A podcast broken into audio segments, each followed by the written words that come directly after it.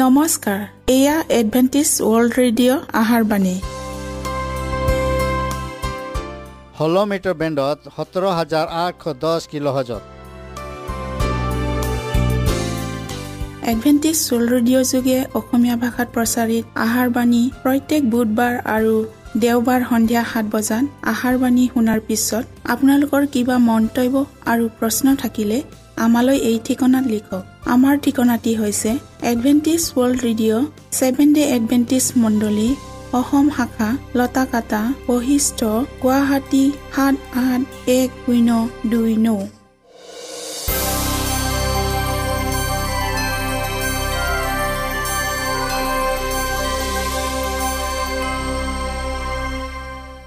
প্ৰিয় শ্ৰোতা বন্ধুসকল এতিয়া শুনো আহক এটি খ্ৰীষ্টীয় ধৰ্মীয় গীত।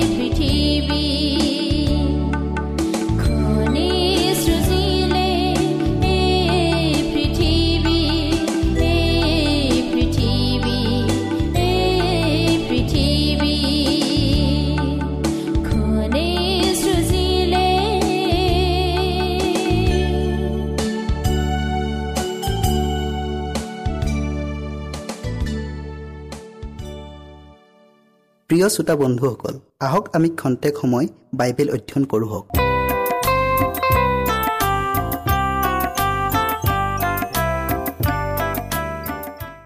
আজি আমি পাপী খ্ৰীষ্টৰ প্ৰয়োজনৰ বিষয়ে অধ্যয়ন কৰোঁ হওক। শাস্ত্ৰ পদ লোৱা হৈছে জহন চৈধ্য অধ্যায়ৰ ছয় পদ। যীশুৱে তেওঁ ক'লে ময়েই বাট আৰু সত্য আৰু জীৱন। মোৰ যোগেদি নগ'লে পিতৃৰ ওচৰলৈ কোনো নাযায়। আমি প্ৰাৰ্থনা কৰি লওঁ হওক সেই সৰ্বশক্তিমান প্ৰভু পুনৰাই আজি তোমাৰ বাক্য শুনিবলৈ এই সুযোগ দিলা তাৰ বাবে তোমাক ধন্যবাদ জনাইছোঁ। প্ৰভু আজি আমি পাপী খ্ৰীষ্টৰ প্ৰয়োজনৰ বিষয়ে অধ্যয়ন কৰিবলৈ আগবঢ়াইছোঁ। তুমি আমাক জ্ঞান আৰু বুদ্ধি দান দিয়া। পবিত্ৰ আত্মাৰ যোগেদি প্ৰত্যেক শ্ৰোতাৰ হৃদয় স্পৰ্শ কৰি দিয়া যীশুৰ নামত খুজিলোঁ আমেন। মানুহক আদিতে মহৎ ভাৱপন্ন শক্তি আৰু এক স্থিৰ ভাৰসাম্য থকা মন প্ৰদান কৰা হৈছিল। মানুহ এই আটাইবোৰ গুণেৰে বিভূষিত হোৱাত ঈশ্বৰৰ সৈতে এক সমধুৰ সম্বন্ধ আছিল।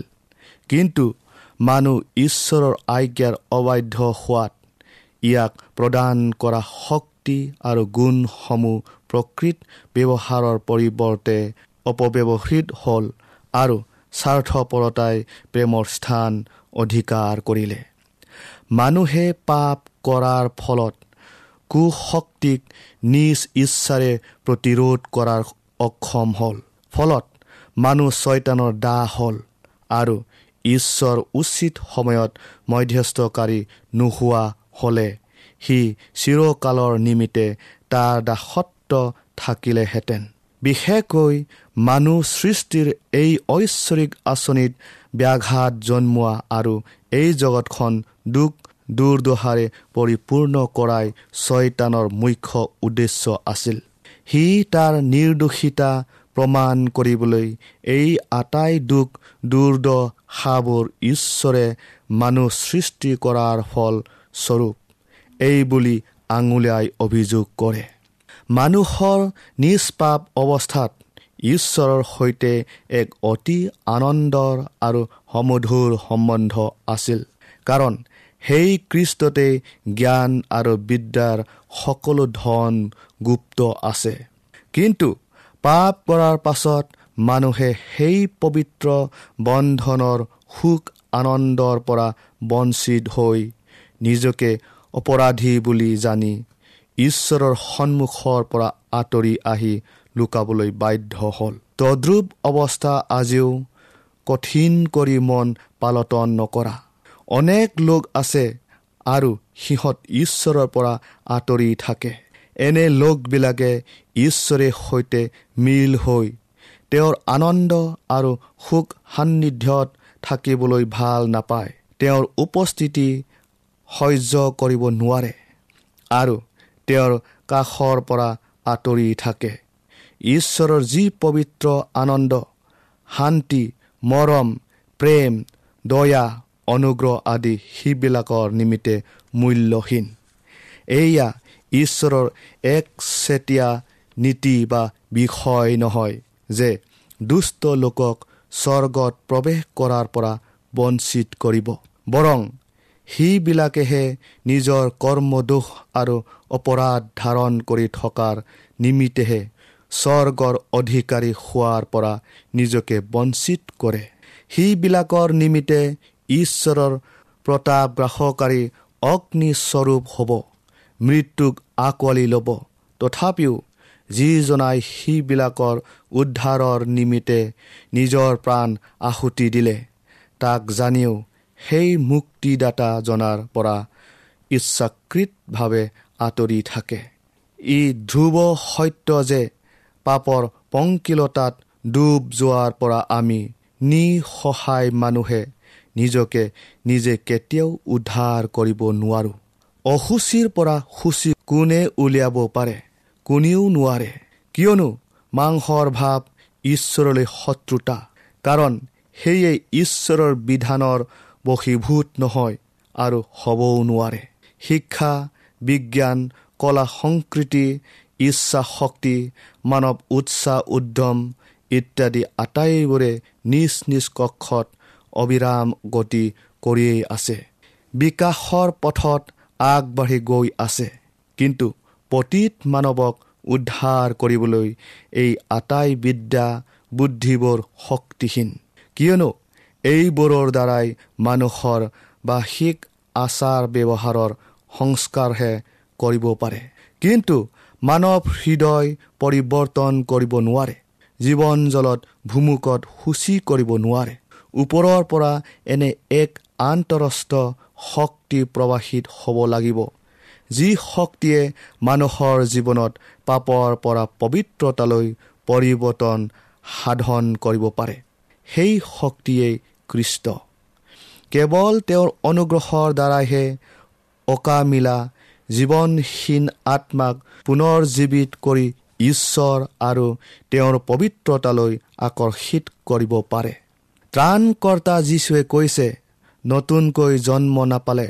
অৰ্থাৎ নতুন হৃদয় নতুন আশা আকাংক্ষা নতুন উদ্দেশ্য নতুন মনোভাৱ এইবোৰেহে নতুন জীৱনলৈ চলাই নিয়ে।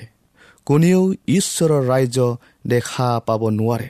প্ৰকাশিত বা জাগতিক প্ৰচলিত নীতি নিয়মৰ দ্বাৰাই মানুহৰ আন্তৰিক বিষয়টো পৰিৱৰ্তন কৰাটো এক দুৰ্যোগপূৰ্ণ প্ৰবঞ্চনা মাথোন কিন্তু স্বাভাৱিক মানুহে ঈশ্বৰৰ আত্মাৰ কথা গ্ৰাহ্য নকৰে। কিয়নো তেওঁৰ মনত সেয়ে মূৰ্খতা আৰু তেওঁ সেই কথাৰ তত্ত্বও পাব নোৱাৰে। কিয়নো আত্মিক ৰূপেহে তাক বিচাৰ কৰা হয়।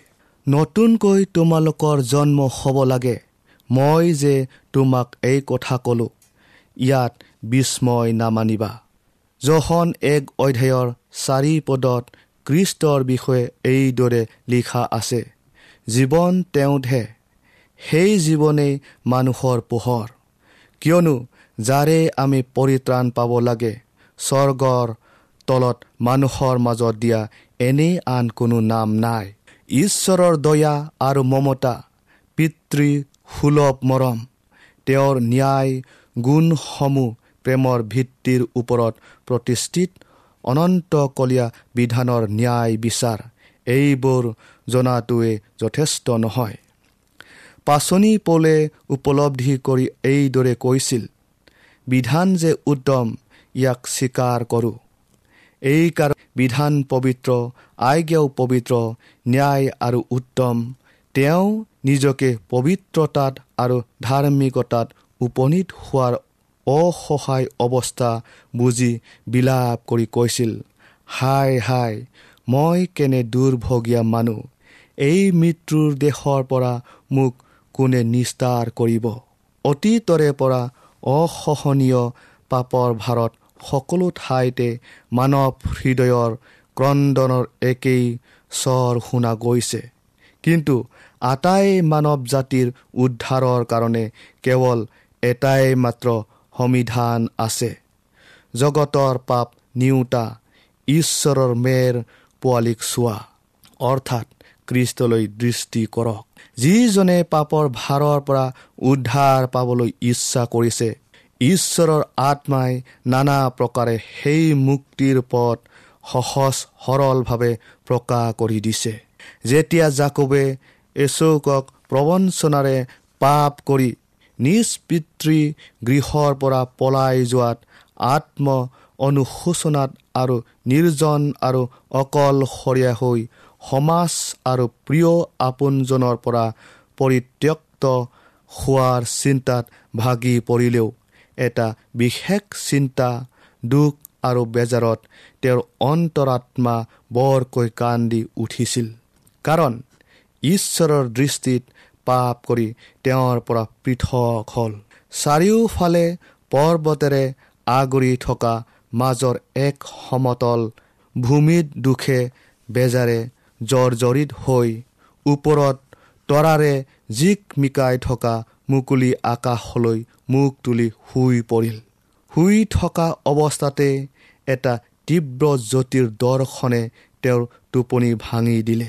আৰু চকু মেলি দেখিলে যে তেওঁ শুই থকা ঠাইৰ পৰা স্বৰ্গৰ দুৱাৰলৈকে লগ লগা এখন জখলা।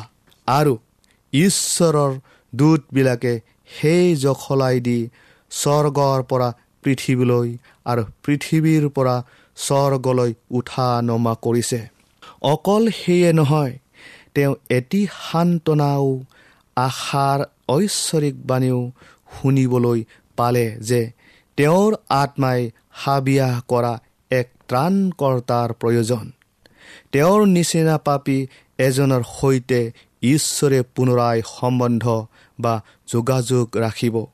এই প্ৰতিজ্ঞাত তেওঁ আনন্দ আৰু কৃতজ্ঞতাৰে অনুপ্ৰাণিত হৈ এটা নিশ্চিত মুক্তিৰ পথ দেখিবলৈ পালে। জাকবে সপোনত দেখা সেই ৰহস্যজনক জখলাটো ঈশ্বৰ আৰু মানুহৰ মাজৰ একমাত্ৰ মধ্যস্থতাকাৰী যীশুখ্ৰীষ্টকে সূচায়। প্ৰিয় শ্ৰোতা বন্ধুসকল অসহায় আৰু দুৰ্বলী মানুহৰ প্ৰতি যি জনাই আশা আৰু শক্তিৰ উৎস তেওঁক অগ্ৰাহ্য কৰি নিজ শক্তিত আৰু কৰ্মত ভৰসা কৰি মানুহে কেতিয়াও ঈশ্বৰৰ নিৰূপিত লক্ষ্যত উপনীত হ'ব নোৱাৰে বৰং তাৰ আটাই প্ৰচেষ্টাই ব্যৰ্থ হ'ব। সকলো উত্তম দান আৰু সকলো সিদ্ধ বৰ ঈশ্বৰৰ পৰাহে হয়। ঈশ্বৰৰ ওচৰলৈ যোৱাৰ একমাত্ৰ পথ কৃষ্ট।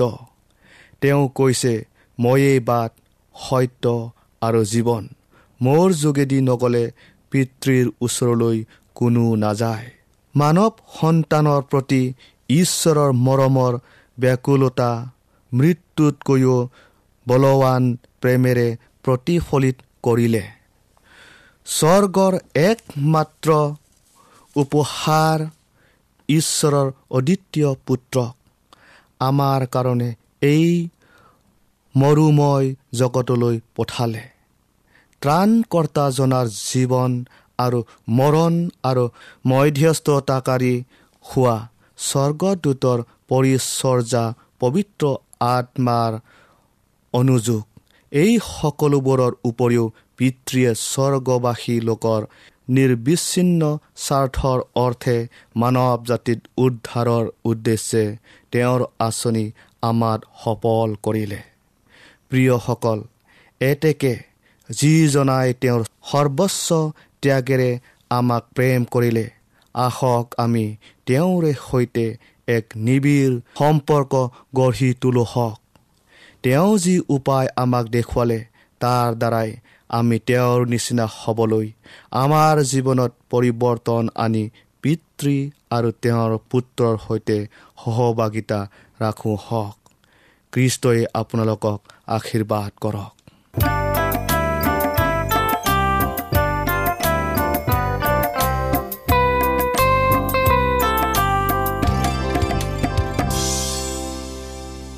ইমানপৰে আমি বাইবেল অধ্যয়ন কৰিলোঁ। এতিয়া আকৌ শুনো আহক এটি খ্ৰীষ্টীয় ধৰ্মীয় গীত।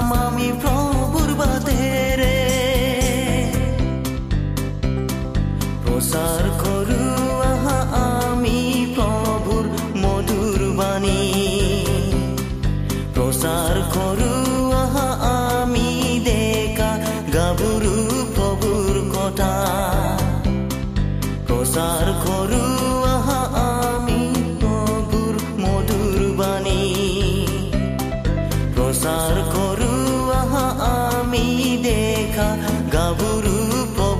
কথা কম আমি